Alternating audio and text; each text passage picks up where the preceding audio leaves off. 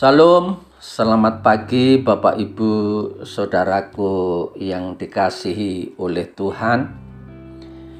Apa kabarnya pagi hari ini? Doa saya Anda dalam keadaan sehat, kuat, dan tentunya tetap bersemangat.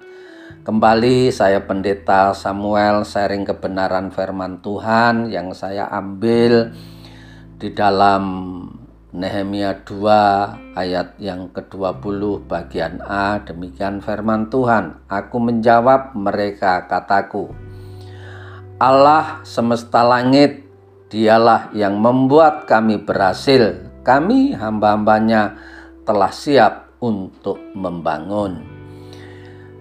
Saat ini saya kasih tema yaitu pelayanan yang berhasil menengok dari latar belakang eh, ayat saya baca ini bahwa kerinduan Nehemia untuk membangun kembali tembok Yerusalem yang hancur.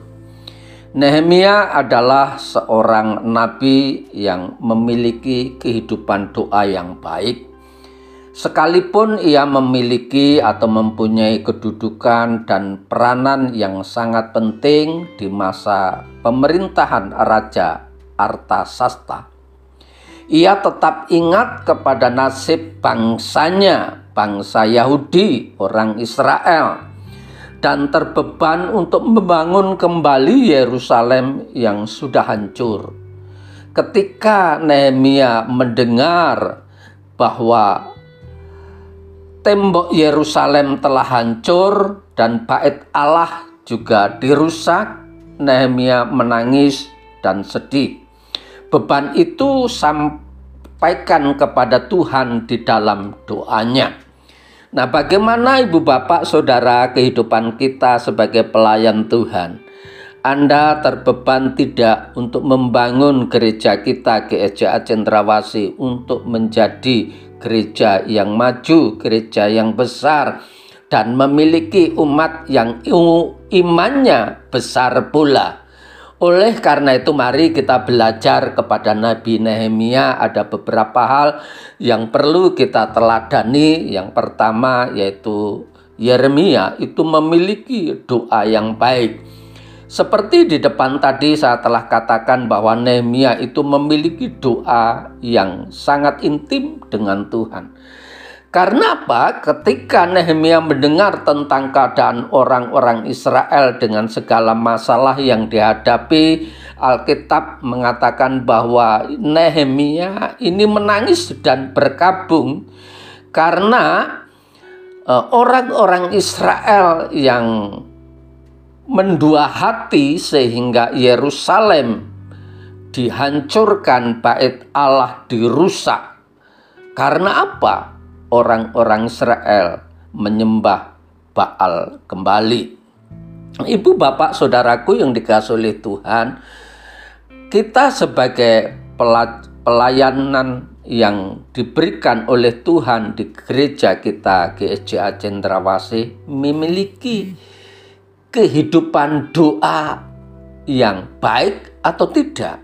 Karena doa itu membawa keintiman kepada Tuhan dan membawa eh, kedekatan kepada Allah dan memberikan kekuatan dan ketegaran hati. Dan oleh karena itu gereja Tuhan telah memberi uh, waktu setiap jam 4 pagi dari hari Senin sampai hari Jumat dan kemudian jam 6 di hari Sabtu mari pengelayan Tuhan kita bersama-sama kembali untuk menyatukan hati agar supaya gereja kita khususnya kita sebagai pelayan ada kekuatan.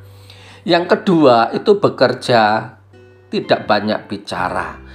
Nehemia memiliki kerinduan, memiliki membangun hubungan yang intim dengan Tuhan agar supaya bisa memulihkan kembali tembok Yerusalem. Dia tidak banyak bicara kepada orang lain. Dia sampaikan kepada Tuhan melalui tindakan, melalui rencananya. Sehingga uh, Nehemia ini merahasiakan apa uh, kepa kepada teman-temannya, kepada orang-orang Israel saat itu sebelum waktunya Yang ketiga itu memiliki motivasi bekerja sama.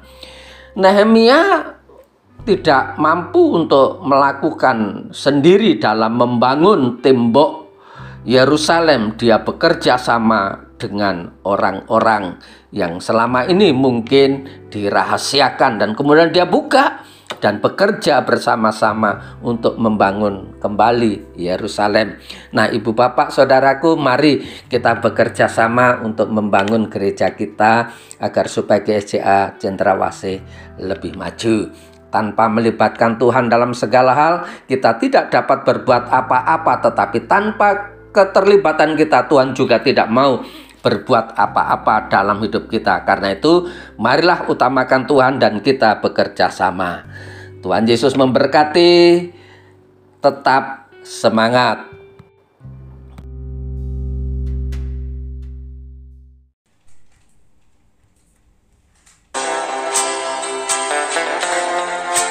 Sampai jumpa esok hari. Kiranya damai sejahtera dari Allah Bapa, kecintaan dan kasih karunia Tuhan kita Yesus Kristus, persekutuan serta penghiburan Nero Kudus menyertai kita sekalian mulai hari ini sampai Maranatha Tuhan Yesus datang. Amin.